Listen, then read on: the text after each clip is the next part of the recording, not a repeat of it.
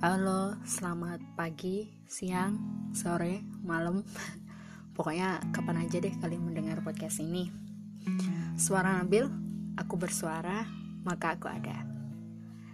Oke, untuk podcast kali ini nggak ada topik tertentu yang berat sih. Lebih ke cerita aja. Dan ini uh, mungkin segmen pertama aku bercerita tentang sesuatu secara menyeluruh. Nggak tahu nanti menyeluruh apa enggak sih sebenarnya cuma niatnya sih menyeluruh. Hari ini tanggal 30 April 2020 tepatnya salah satu temen baikku ulang tahun. Namanya Didi. Nama lengkapnya samarkan aja kali ya atau dirahasiakan aja kali ya privasi. Yang jelas memang nama panggilannya Didi. Dan um, kayaknya pernah aku mention di podcastku sebelumnya mungkin podcast pertamaku yang uh, aku ngomongin masalah hikayat podcast kalau nggak salah. Hikayat podcastku maksudnya. Di mana pertama kali aku kenal podcast itu salah satu perantaranya adalah Didi ini. Karena emang ya aku tipikal orang yang sebenarnya ya aku bersosmed sih. Aku sering main IG main WA dan sebagainya tapi aku nggak terlalu suka yang gimana sih? Aduh, bahasanya tuh gak enak banget. Pilih takut salah ngomong. Aku nggak tipikal orang yang itu loh apa ya misalkan dengerin podcast terus uh, kayak terkini. Ya uh, mungkin itu kali ya. Aku nggak terlalu kayak orang terkini apa yang jadi tren itu aku ikut aku coba. Aku nggak tipikal orang kayak gitu. Tapi nggak tahu kenapa podcast ini aku tertarik aja gitu. Tiba-tiba. Dan setelah sekian lama aku baru nyemplung di podcast ini. Dunia podcast. Well langsung aja ya. Jadi uh, rencananya di hari ulang tahunnya si Didi ini aku pengen menarasikan cerita indah. Nggak gak indah juga sih karena bakalan ada dukanya juga uh, tentang aku dan Didi jadi pertama kali aku kenal Didi tuh udah uh, udah lama sih sebenarnya. Kalau nggak salah waktu aku kelas 1 SMA kelas 10 aku sama dia tuh pernah ikut kayak suatu program gitu yang ada di sekolah yang tentang kayak pertukaran pelajar gitu loh. Tapi dia di uh, non non pemerintah gitu kayak sebuah yayasan dan tapi dia ber, bekerja sama dengan sekolah-sekolah termasuk sekolahku. Pada saat itu aku dan Didi ikut tapi mungkin latar belakangnya beda. Didi mungkin memang karena ada keinginan atau nggak tahu sih aku nggak pernah tanya dia personally gimana pada saat itu. Kalau aku ikut karena kakakku nyuruh. Lebih tepatnya kakakku ngasih uang aku untuk daftar. Nah kakakku ini salah satu guru yang ada di sekolah itu. Jadi ya aku adalah murid kakakku. Udah kayak drama kali ya. Tapi memang seperti itu Nah, kita kenal karena kita sama-sama ikut tesnya pada saat itu. Kemudian kalau nggak salah eh, tahap satunya aku sama Didi itu lolos. Tahap duanya aku nggak tahu Didi lolos apa enggak, tapi aku lolos sampai aku emang sampai tahap akhir, tapi tidak berangkat karena satu dan banyak hal. Sehingga cerita di situlah pertama kali aku lihat mukanya Didi. pertama kali lihat sih itu sih. First impression pada saat itu aku lihat dia tuh aktif anaknya aktif. Dan dia juga kayaknya um, bakal tipikal orang yang bakal jadi uh, pusat perhatian. Tapi bukan ini loh ya bukan bukan maksudnya pusat perhatian tuh dia uh, lenji atau gimana enggak sih. Maksudnya dia tuh orang yang mengayomi gitu loh yang aku lihat sekilas pada saat itu. Um, dan aku pada saat itu cukup pendiam dan nggak banyak ngomong. Jadi nggak ada kepikiran sama sekali tuh ya pada saat itu. Kalau aku sama dia itu bakal jadi teman dekat. Dan aku sekilas mandang dia tuh banyak temen sedangkan aku nggak terlalu banyak temen jadi kayak uh, dua orang yang sangat kontras dan berbeda yang kayaknya sulit untuk bersatu. Kamu sih ya gitulah pokoknya. Itu pertama kali aku lihat Didi. Aku lupa apakah pada saat itu kita uh, ngobrol atau kita punya pembicaraan tertentu aku lupa banget. Kayaknya enggak sih karena aku nggak punya ingatan kayaknya enggak. Tapi di hari itu juga aku lihat Didi aku mengenal Didi dan namanya dan aku punya first impression terhadap dia first impression tadi ya ngomongin first impression belum selesai.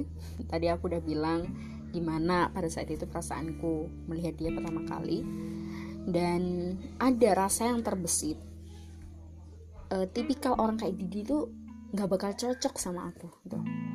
Kenapa? Karena kayak gimana ya aku pada saat itu kan kelas 10 ya. Jadi sebelumnya aku pengalaman punya teman-teman ya SD sama SMP sedangkan di SD dan SMP tuh aku nggak punya teman deket yang karakternya kayak dia. Jadi aku berpikir kalau aku nggak bakal bisa berteman dengan si model kayak Didi ini.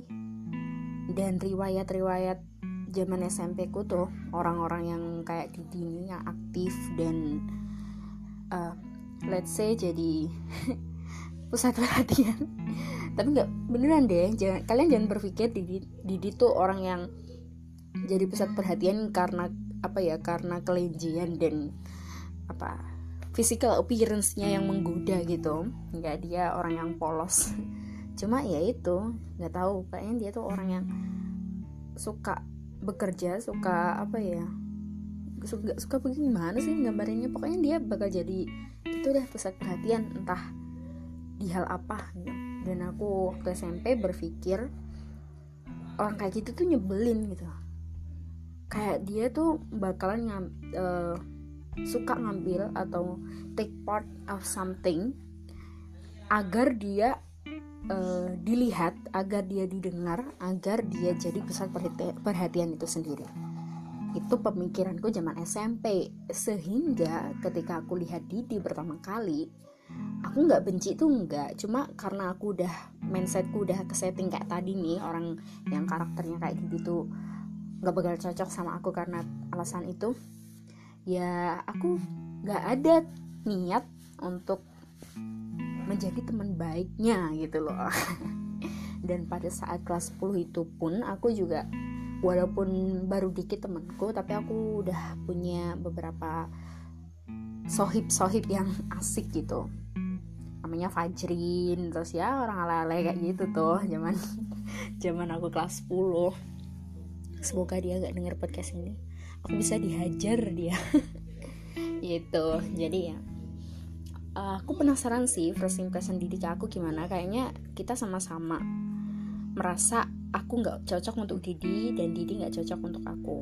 In term of friend ya kayaknya sih kayak gitu kita punya frekuensi yang sama.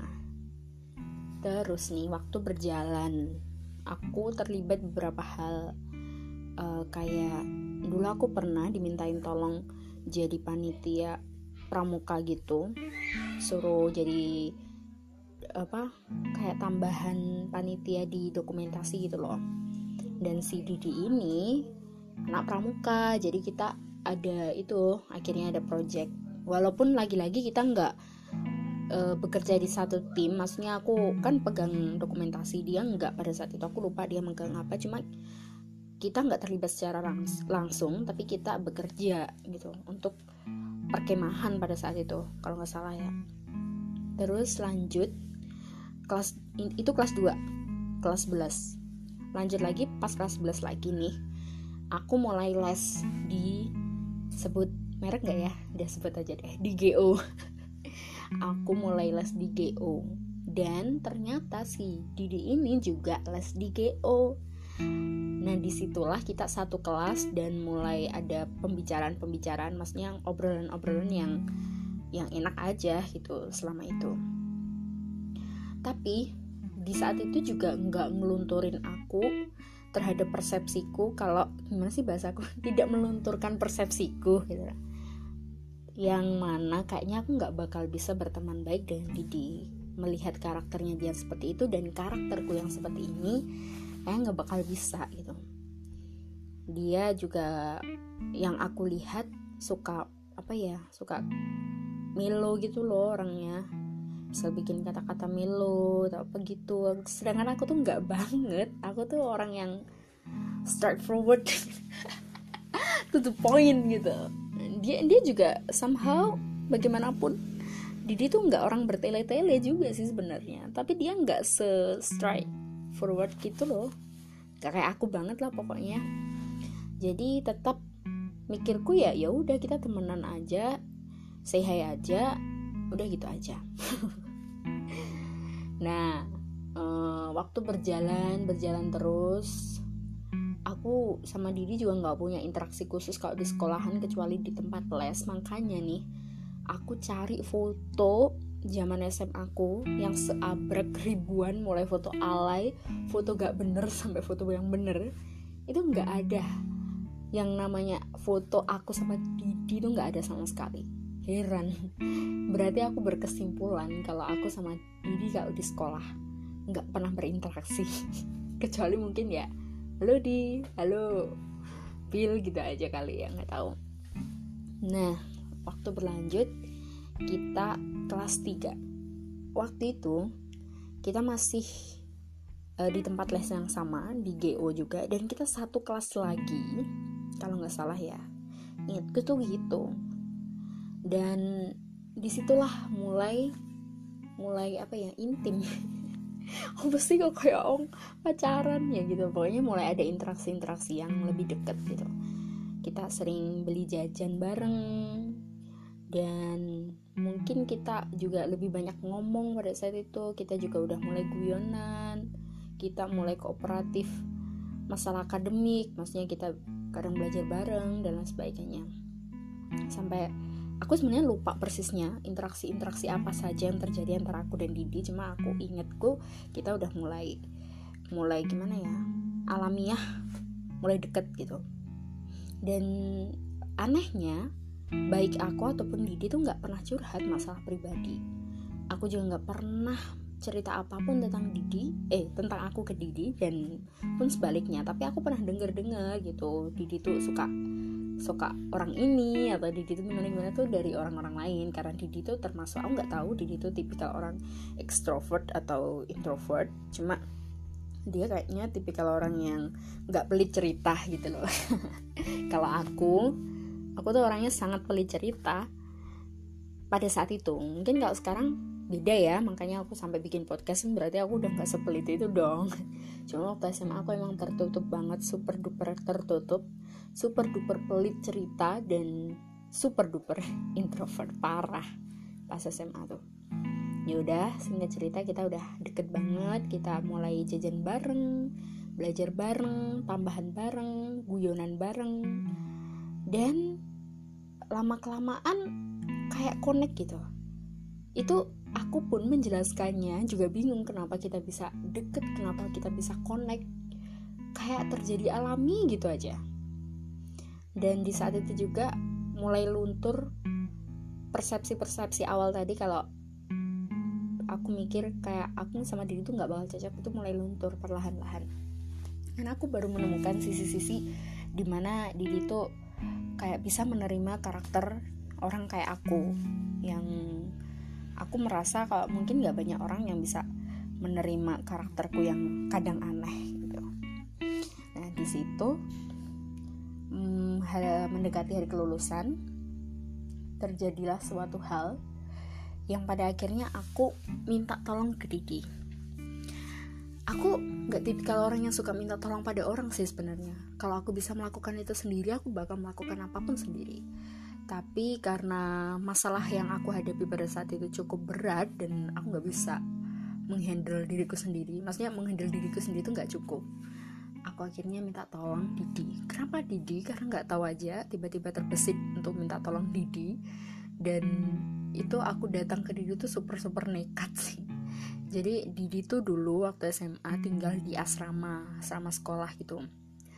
Nah aku kalau aku sih PP dari rumah ke sekolah nggak asrama-asramaan soalnya lumayan deket.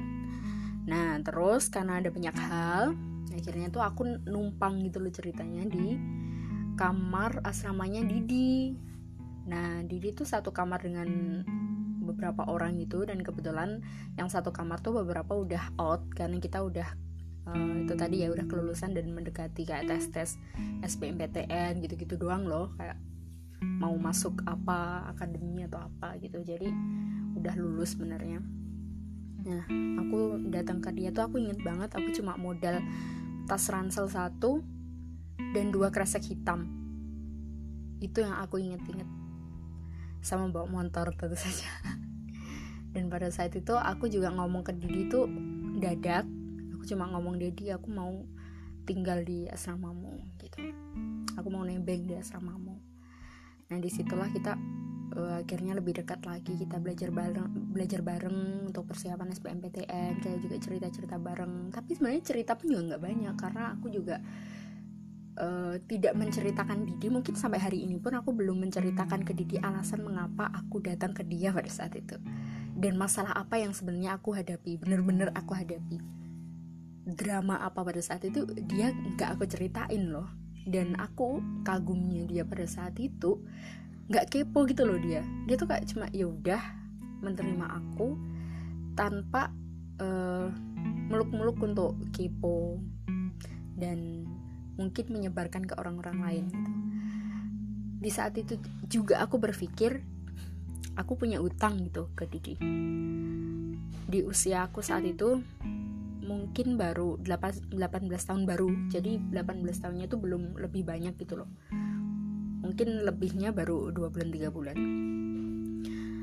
Aku menemukan teman yang cukup dewasa untuk menghadapi masalahku gitu gimana ya kata-katanya? Jadi gini loh. Aku merasa pada saat itu aku menghadapi suatu masalah yang cukup berat dan harus dihadapi dengan dewasa dengan bijak tapi aku belum menemukan teman yang menurutku bisa aku ajak untuk nyemplung ke masalahku gitu. Termasuk teman-temanku teman deket banget teman baik banget yang aku sebutkan tadi sejak kelas 10 mereka baik ke aku tapi menurutku mereka belum cukup untuk bisa menerima apa yang aku hadapin gitu. Masalah seserius itu tuh kayaknya mereka belum cukup untuk bisa nyemplung gitu dan aku nggak tahu kenapa aku melibatkan si Didi ini secara nggak langsung. Walaupun aku nggak cerita ke dia secara detail tapi aku langsung minta tolong ke dia dan tinggal di situ bersama dia. Dan surprisingly dia nggak kepo dia nggak ngomong ke orang. Jadi itu suasana di asrama tuh kayak seolah-olah ya udah nggak apa-apa gitu. Teman-teman di asrama pun ya juga nggak bertanya-tanya gitu kenapa aku di situ kenapa aku tiba-tiba muncul. Itu yang jadi pertanyaan sampai hari ini sih. Kenapa mereka nggak nggak kepo gitu loh? Atau mungkin mereka kepo di belakangku langsung ngomong ke Didi atau gimana nggak ngerti. Terus ya terima kasih Didi makanya aku merasa utang budi banget sih ke dia parah saat itu. Terus waktu berjalan jalan aku lupa persisnya berapa hari aku di asrama tapi aku inget aku melewati beberapa minggu di sana. Mungkin ada dua minggu sampai tiga minggu. Lama kok. Menurutku lama. Cukup lama orang aku nyuci baju berkali-kali di situ ngabisin banyak deterjen. Berarti udah dua minggu lebih lah kayaknya. Tapi nggak sampai satu bulan. Terus nih kita akhirnya udah keterima di PTN masing-masing dan kita akhirnya hidup berpisah. Aku di Surabaya dia di Solo dan awal-awal kuliah kita masih tetap keep in touch. Kita kadang-kadang masih telepon curhat tapi ya curhatannya bareng yang nggak berat-berat gitu loh. Say hi atau gimana gimana gitu. Dan tiap tahun tuh aku mesti ke Solo karena ada festival film. Aku ikut satu salah satu UKM di kampusku dan ya tiap tahun kita selalu delegasi di festival-festival di luar kota termasuk di Solo. Jadi tiap tahun aku ke Solo dan tiap tahun juga aku selalu berkunjung di rumah Didi di kos Didi tahun 2017 18 19 aku skip festival karena udah tua semester tua tapi aku ke Solo juga main sama temanku. Jadi let's say setiap tahun tuh aku selalu mengunjungi Didi dan Didi pun juga pernah ke Surabaya sekali awal-awal kuliah mungkin tahun 2017an tapi aku nggak nggak merasa men serve dia dengan baik karena dia datang pada saat itu aku ujian tapi ya udahlah. Aku makanya berusaha yang terbaik untuk memberikan apa ya kak semacam balas budi gitu loh ke Didi. Aku bilang kayak gini mungkin Didi juga dengar. Maksudnya balas budi itu bukan karena aku gimana ya kayak nggak mau nggak mau berhubungan banget sama dia sampai dia ngasih aku kebaikan dan aku pengen mengembalikan nggak gitu sih tapi ya kayak natural sebagai manusia aku merasa pernah ditolong dan sewajarnya aku memberikan performa yang baik juga buat dia. Mungkin bagi Didi dia tidak merasa menolong aku pada saat itu karena ya situasi di asrama udah sepi udah banyak yang boyong pulang. Jadi ya udah kalaupun aku di situ kayaknya nggak nggak apa ya nggak menggusur orang sama sekali gitu. Tetapi bagiku itu udah support banget dengan karakter dia dengan cara dia menghadapi aku. Saat itu itu itu priceless. Nggak nggak nggak berharga sama sekali. Maksudnya nggak bisa dihitung dengan suatu uang suatu nominal gitu. Jadi ya hal yang bisa aku lakukan adalah menemani dia gitu. Dan menemani itu luas. Baik menemani dia secara uh, bacotan secara um, fisik dan mungkin connect secara hati juga. Tetapi dengan kondisi kita hidup yang di kota terpisah aku di Surabaya dia di Solo mungkin sulit bagi kita untuk tetap keep in touch lama-lama karena ya nggak bisa dipungkiri kita punya kesibukan dan kepentingan masing-masing. Pun kita juga mulai punya prioritas dan kehidupan masing-masing. Nggak bisa dipungkiri sama sekali. Sekalipun kita udah berusaha untuk jadi teman baik tanda kutip yang selalu berbagi banyak hal tapi nggak bakal bisa 100% karena alasan jarak gitu. Tetapi aku lagi-lagi juga nggak ngerti kenapa aku tuh kayak udah punya connect gitu sama Didi. Kadang-kadang ya gini deh gini deh. Kadang kalau kita pertemanan itu ya sekalipun sobat kental mesti ada drama mesti pernah marahan pernah ada jengkel. Kalau aku sama Didi tuh kita kayaknya nggak pernah marahan. Kita juga nggak pernah debat atau per, terlibat pertengkaran sengit gitu kayaknya nggak pernah selama lima tahun pertemanan ini lima enam tahunan ini. Tapi kadang-kadang sih ada rasa jengkel gitu karena Didi tuh uh, orangnya salah satu kekurangannya adalah orang yang sama sekali nggak organize. Dia tuh apa ya menurutku time managementnya tuh kacau terus dia juga nggak nggak bisa apa ya melakukan sesuatu tuh secara organize gitu dan itu kadang nyebelin banget karena aku tuh orangnya on time satu aku tuh on time. Jam sekian aku datang jam sekian gitu. Kedua aku orangnya cukup organize jadi bukan bukan bukan berarti aku selalu organize tapi cukup organize jadi ketika aku menghadapi orang yang berantakan tuh aku kayak jengkel banget. Dan di di itu salah satu kekurangannya dari itu aku sebenarnya sering ngomong ke dia untuk mulai berbenah deh di masalah time management masalah organize gitu. Masih aja kayak gitu. Itu yang kadang-kadang bikin aku jengkel sama dia. Yang kedua nah aku tuh udah berusaha fast rest sama dia. Kalau dia ngubungin aku apa aja dia chat apa aja aku selalu berusaha untuk memberikan balasan yang cepat dan respon cepat tapi dia balasnya ke aku bisa sampai ganti hari ganti jam atau ganti apalah. Lama banget intinya. Itu yang kadang-kadang bikin aku jengkel banget sama dia. Tapi ya aku mikir gak akan ada yang sempurna uh, dalam sebuah hubungan pertemanan. Sekalipun uh, teman yang udah jadi soulmate sejak lahir kayak orang kembar gitu ya jadi soulmate sejak dalam kandungan pun mesti ada uh, huru hara dalam hubungannya itu. Pun aku dan Didi. Yang itu yang aku aku biasanya jengkel sama dia. Jadi tadi ya kendalanya kita beda kota tinggalnya. Terus dengan kekurangan Didi yang kadang bikin aku jengkel itu mungkin dia pun juga punya sisi kekuranganku yang dia nggak suka atau apa tapi itu yang kadang aku jengkel banget sama dia. Aku berharap dia mulai apa ya fokus untuk membenahi ini ya. Karena di usia kita yang sekarang ini kayaknya kita harus mulai belajar untuk profesional dan itu organize. Karena ya bentar lagi kita bakal terjun di dunia kerja tiba-tiba udah dewasa. Dan hal yang kayak tadi nih time management uh, organize organizer itu kayak uh, sesuatu yang must have pada seorang good worker gitu. Aku berharap Didi mulai berbenah itu sih.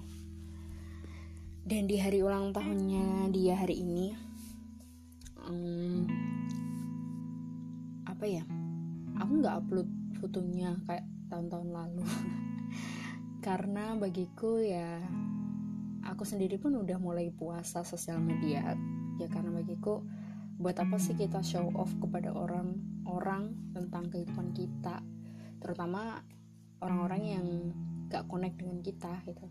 Justru malah kayak pamer kayak apa sih orang ini? Kayak gitu loh. Jadi aku udah mulai mengurangi hal-hal kayak gitu.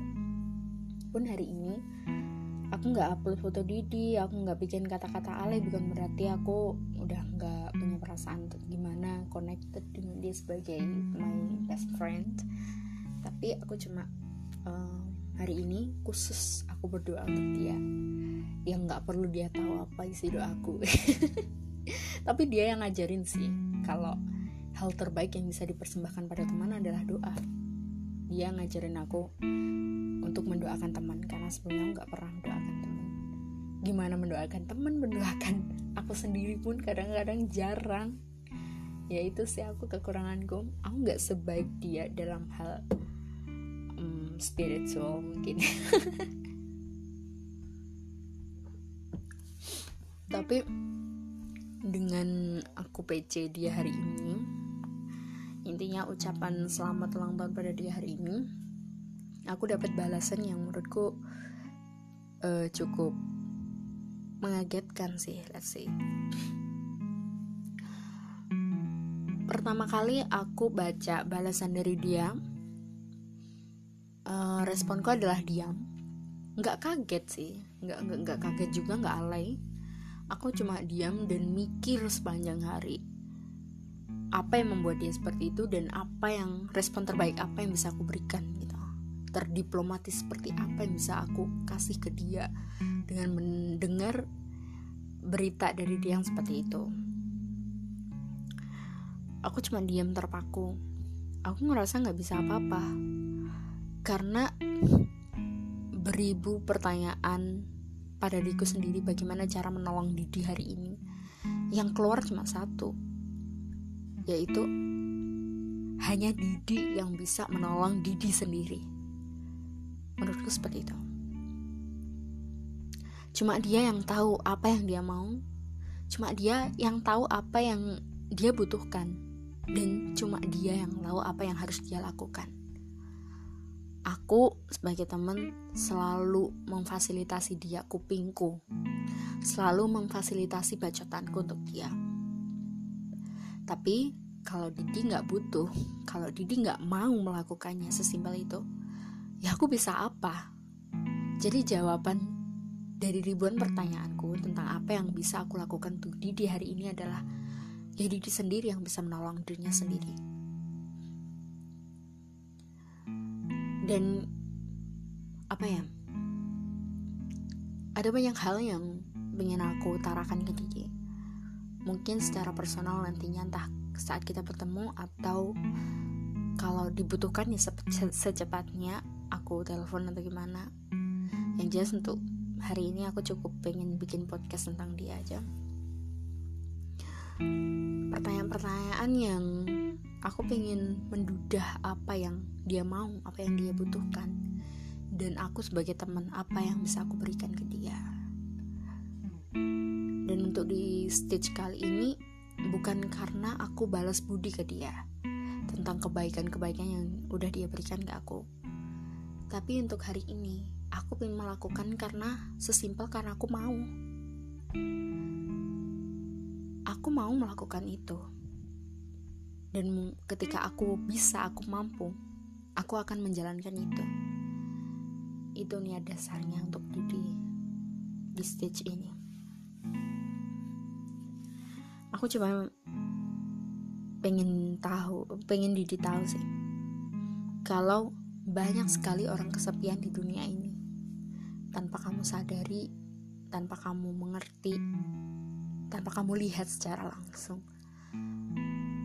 Jadi nggak usah merasa cuma kamu sendiri yang merasa paling menyedihkan, yang merasa paling bingung atau apa. Bangkit dan mulai berbenah. Itu adalah kunci. Mungkin kita akan selalu berbeda dalam menghadapi masalah tertentu, dalam menghadapi cobaan tertentu. Karena memang kita juga bukan orang yang sama. Aku dengan aku, kamu dengan, kamu, dengan takdirku, dengan takdirmu. Belibet banget.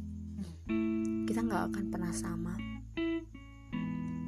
Jadi yang bisa kita lakukan adalah saling support. Gak usah mulai menyalahkan siapa yang paling beruntung di antara kita siapa yang paling enak hidupnya di antara kita karena ya semua punya takaran masing-masing yang jelas banyak sekali orang kesepian di dunia ini. Itu kuncinya. Aku pun juga masih survive dengan masalah yang ada, dengan cobaan yang ada. Dan ketika aku bisa, mestinya kamu juga bisa. Bukan untuk menyamakan, bukan untuk apa ya, menyepelekan masalahmu enggak.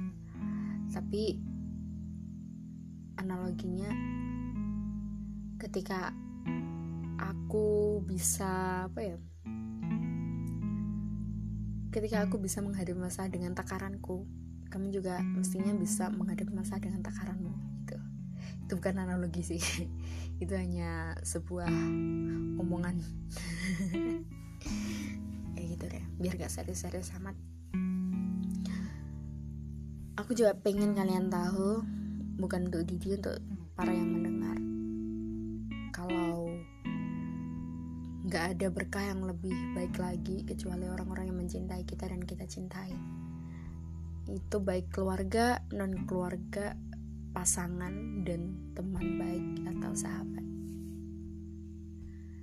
Dan mungkin untuk beberapa hal kita tidak diberikan kesempatan untuk memiliki itu. Misalkan kita tidak diberikan kesempatan memiliki keluarga yang mencintai dan kita cintai dengan baik gitu dengan tulus gitu mungkin juga kita tidak diberikan kesempatan mendapatkan sahabat yang mencintai kita dan kita cintai atau juga mungkin kita tidak diberikan kesempatan untuk mendapat mencintai dan dicintai pasangan kita dengan sangat tulus dan baik. Tapi ketika kita dapat salah satunya atau salah duanya ya udah kita syukuri kita jaga sebaik mungkin. Karena ya balik lagi kita bisa apa di dunia ini? Karena kita cuma manusia yang sejujurnya mau nggak mau diakui atau nggak diakui kita ini punya satu zat yang menjadi penguasa yang berhak untuk kita puja dan puji yang berhak untuk menjadi sandaran kita dan yang berhak kita sujud di hadapannya.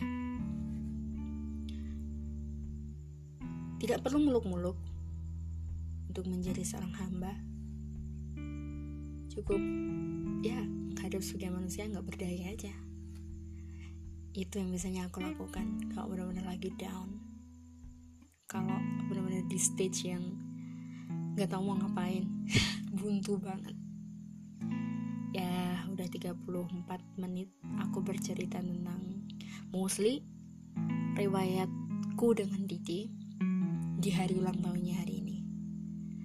Semoga yang mendengar ini juga segera dipertemukan dengan orang-orang yang dicintai dan mencintainya, baik teman, pasangan, atau keluarga, atau apa pun itu. Dan semoga yang udah dapat bisa menjaganya dengan baik, karena itu adalah suatu berkah. Untuk Didi, selamat ulang tahun. Umur kita sekarang sama. Sebenarnya aku sama Didi itu lahir di tahun dan bulan yang sama cuma di tanggal yang berbeda umur yang baru ini semoga kita bisa lebih legowo dalam menghadapi cobaan. Karena ya normalnya sih semakin ber tambah umur semakin banyak dan berat cobaannya. Semoga kita bisa terus saling mendukung terus menerus saling memahami sampai waktu yang gak ditetapkan. Dan kamu juga harus tahu kalau aku ada buat kamu itu karena alasan aku mau. Dan aku juga sangat berharap kamu pun memiliki alasan yang sama seperti aku. Sesimpel karena kamu mau. Bukan karena kamu kasihan bukan karena kamu bersimpati dan sebagainya. Ya memang. Dalam kasih berkasih sayang selalu ada rasa simpati empati. Tapi ketika melakukan sesuatu hal simpati empati itu nggak ada artinya ketika nggak ada kemauan gitu. Dan aku juga berharap apa pun yang kamu lakukan untukku yang lalu hari ini maupun nantinya adalah karena alasan kamu mau. Dan ya kita sekarang sama-sama um, bakal memulai hidup yang kayaknya bakal penuh kejutan. Oke okay, terima kasih yang udah menonton men sampai menonton karena kemarin aku bikin YouTube sih. Oke terima kasih yang sudah mendengar podcastku hari ini tentang sahabatku Didi yang ulang tahun hari ini. Uh, semoga bermanfaat dan ya suara Nabil aku bersuara maka aku ada